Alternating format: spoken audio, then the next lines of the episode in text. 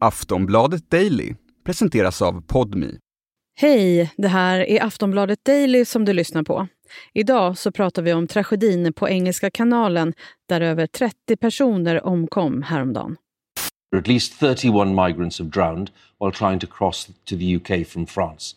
There are five women and two children among the dead, according to the French authorities. At Westminster this evening, the Prime Minister Boris Johnson held an emergency committee meeting to consider the government's response, while saying he was shocked, appalled, and deeply saddened by the news. President Macron said that France would not allow the channel to become a graveyard and called for a joint European approach to the crisis.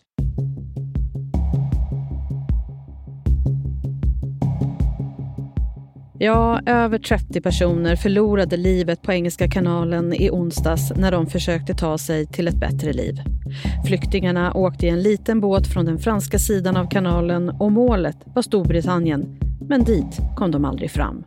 Det är den dödligaste olyckan hittills på kanalen. Bara i år så har över 31 000 migranter försökt korsa kanalen. Det är tre gånger fler än förra året.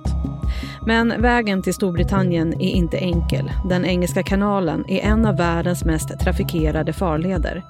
Men det är inte den enda farliga vägen flyktingar tar för att ta sig till friheten.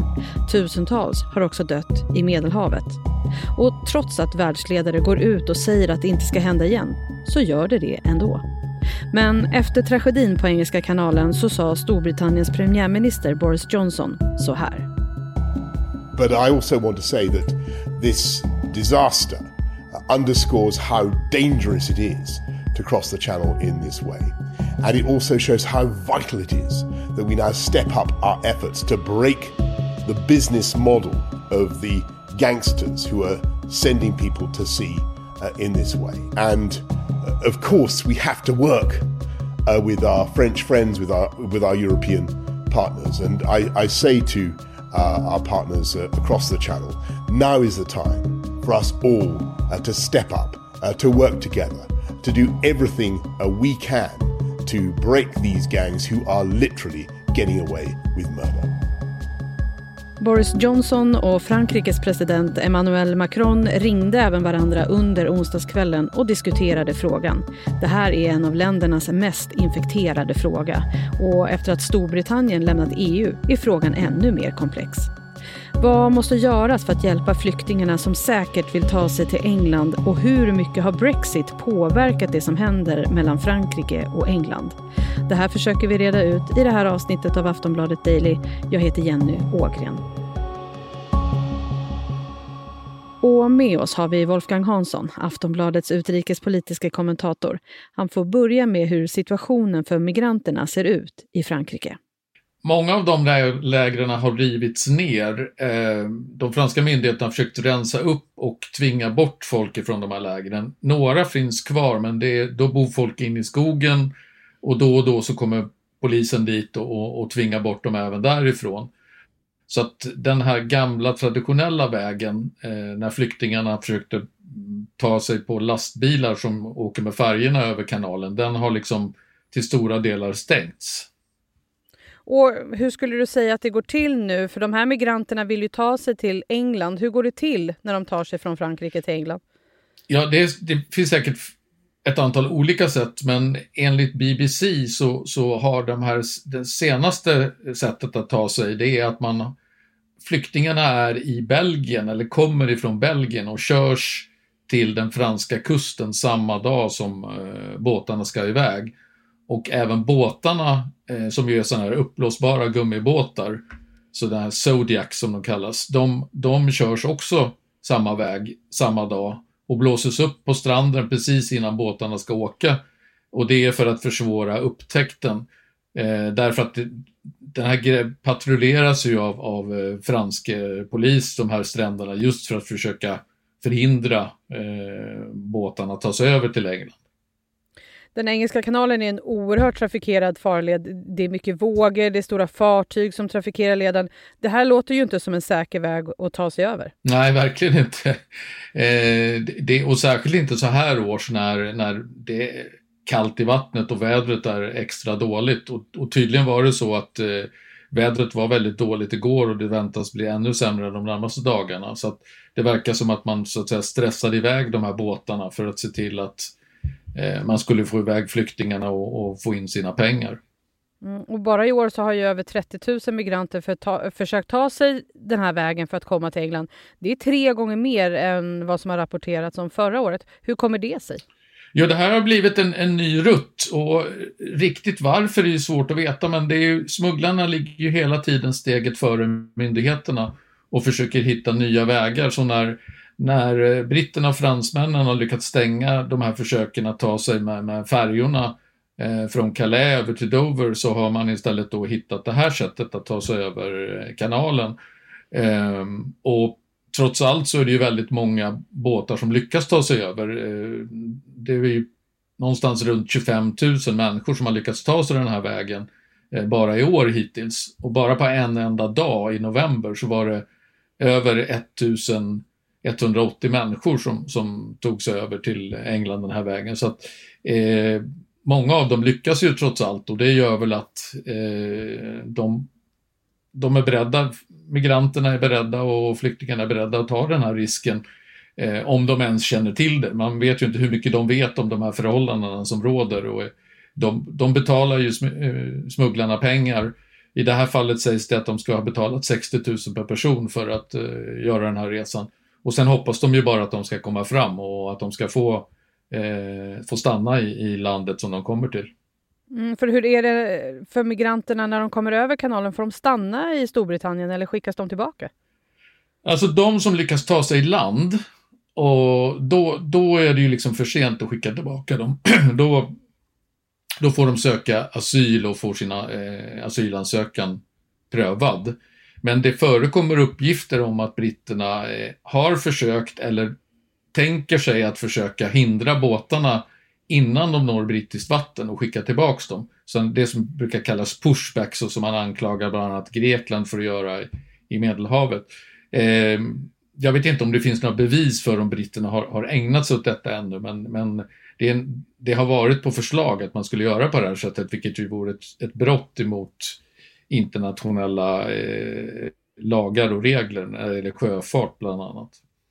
Men många, många får ju inte asyl, alltså det, må, många får ju asyl, men det finns ändå typ 30 procent, 25-30 procent som inte får det. Eh, men väldigt få av dem eh, åker hem frivilligt, utan de går under jorden och, och, och, blir en del av det här skuggsamhället, jobbar svart och så vidare. Och, och det är ju en anledning till att både Storbritannien och andra länder i Europa eh, är väldigt ovilliga att ta emot asylsökande nu för tiden för att de vet att eh, även om de får avslag så, så, så åker inte folk hem. Vi tar en kort paus. Först några ord från vår sponsor. Hos Podmi kan du lyssna på flera populära true crime podcasts helt utan reklam. Till exempel den nya podden Svenska larmsamtal. Larmsamtal till 112 är det mest nakna jag vet. De ger en unik inblick i hur vi människor agerar i en kris. Inga filter, inga omskrivningar, inga efterhandskonstruktioner.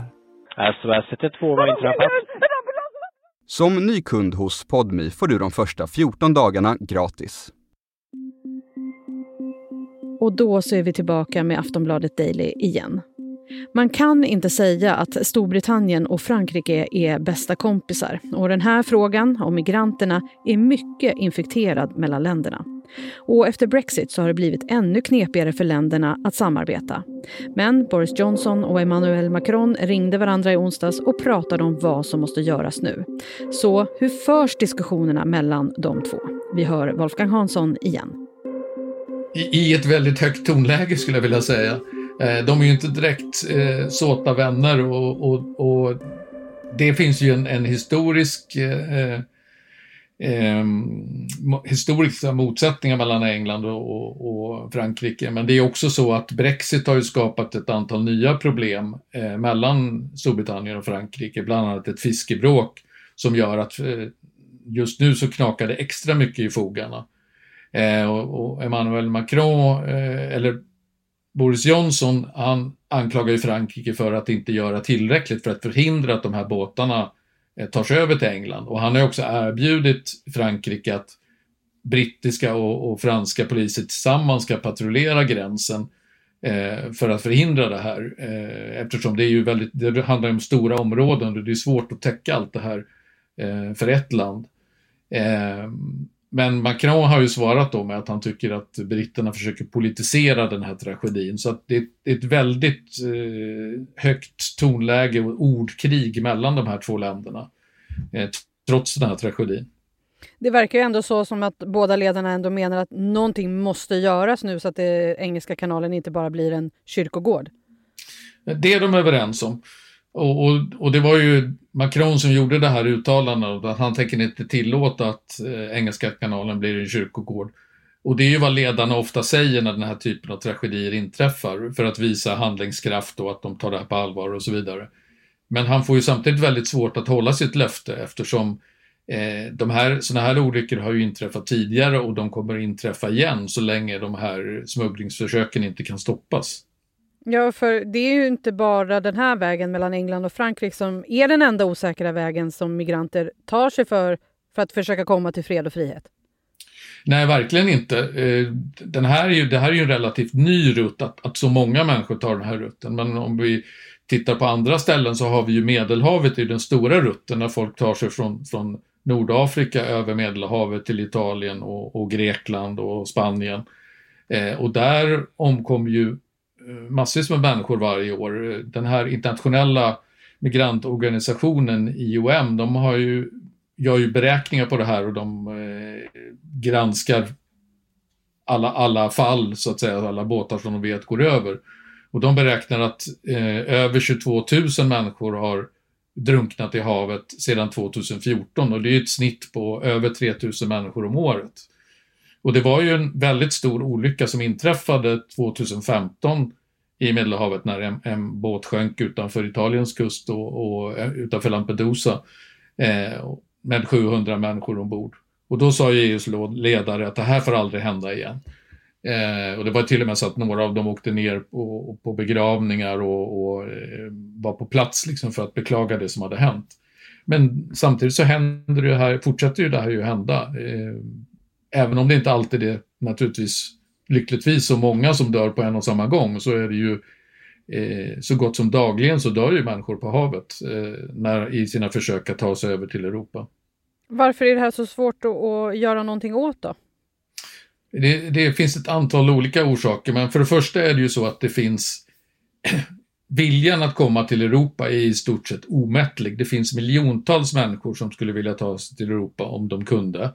Eh, de som har råd betalar smugglare för att ta sig hit. Det är en otroligt lukrativ business. Så att ett sätt att stoppa den här trafiken, eh, en förutsättning att stoppa trafiken, det är ju att stoppa flyktingsmugglarna. Eh, men det har man inte lyckats med, utan de, de fortsätter med sin affärsverksamhet. Ett annat sätt det är ju att förbättra levnadsförhållandena i de här länderna som människor eh, lämnar och då är det en del av dem är ju genuina flyktingar som flyr från, från krig och sånt och det är ju svårt för Europa att göra någonting åt. Medan andra är ju ekonomiska migranter som kommer från länder i Afrika där de, och i Mellanöstern där de tycker att de har, inte har tillräckligt bra framtidsutsikter. Och, och då kan man ju möjligtvis hjälpa de här länderna att få ordning på sina ekonomier och, och, och kunna öka sitt välstånd. Men oavsett hur man gör så är det otroligt svårt att att stoppa migrationer. För det, det är någonting som alltid har funnits och, och människor vill av olika skäl, alla har ju sina egna privata skäl varför man vill lämna sitt hemland och, och starta om på nytt någon annanstans. Eh, och så länge viljan att göra det, så länge många fler vill göra det än vad Europa är villigt att ta emot, eh, då kommer den här trafiken att fortsätta och då kommer de här tragedierna att fortsätta. Nu är det ju bara någon dag sedan den här hemska olyckan, men tror du att den kommer leda till att eh, Frankrike och Storbritannien faktiskt gör någonting åt problemet? De kommer säkert att försöka och jag menar, det får man ju säga att det har de ju gjort hela tiden. Problemet är ju att eh, det kommer ju krävas enormt mycket resurser om man ska stoppa den här trafiken över kanalen. Och förmodligen är det så att då kommer smugglarna på något annat sätt att, att eh, få över migranterna till England. Eh, de är ju extremt uppfinningsrika eftersom de tjänar så mycket pengar på det här. Så att eh, Jag tror inte att det kommer att hända någonting som i praktiken gör att det blir ett slut eh, på den här trafiken över havet och ett slut på tragedierna. Sist här hörde vi Wolfgang Hansson, utrikespolitisk kommentator på Aftonbladet. Jag heter Jenny Ågren och du har lyssnat på Aftonbladet Daily. Du får gärna följa oss i din poddspelare så hörs vi snart igen. Du har lyssnat på en podcast från Aftonbladet. Ansvarig utgivare är Lena K Samuelsson.